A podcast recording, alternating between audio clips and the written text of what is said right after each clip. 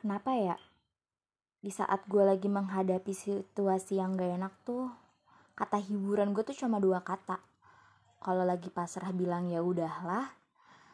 Kalau misalkan untuk mencoba baik-baik aja tuh bilang nggak apa-apa gitu. Kayak tapi kalau keseringan tuh bosen juga gak sih? Kayak apa apa tuh selalu dibilang ya udahlah mau gimana lagi atau nggak apa-apa. Sebenarnya entah gue yang bosen sama dua kata itu atau sebenarnya gue yang cupu.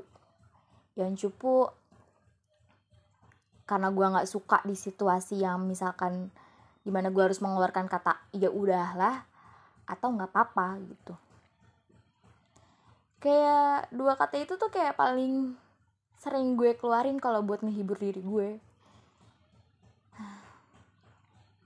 kira-kira menurut kalian ya kata apa sih yang bagus buat menghibur diri tuh selain kata dua eh selain dua kata itu?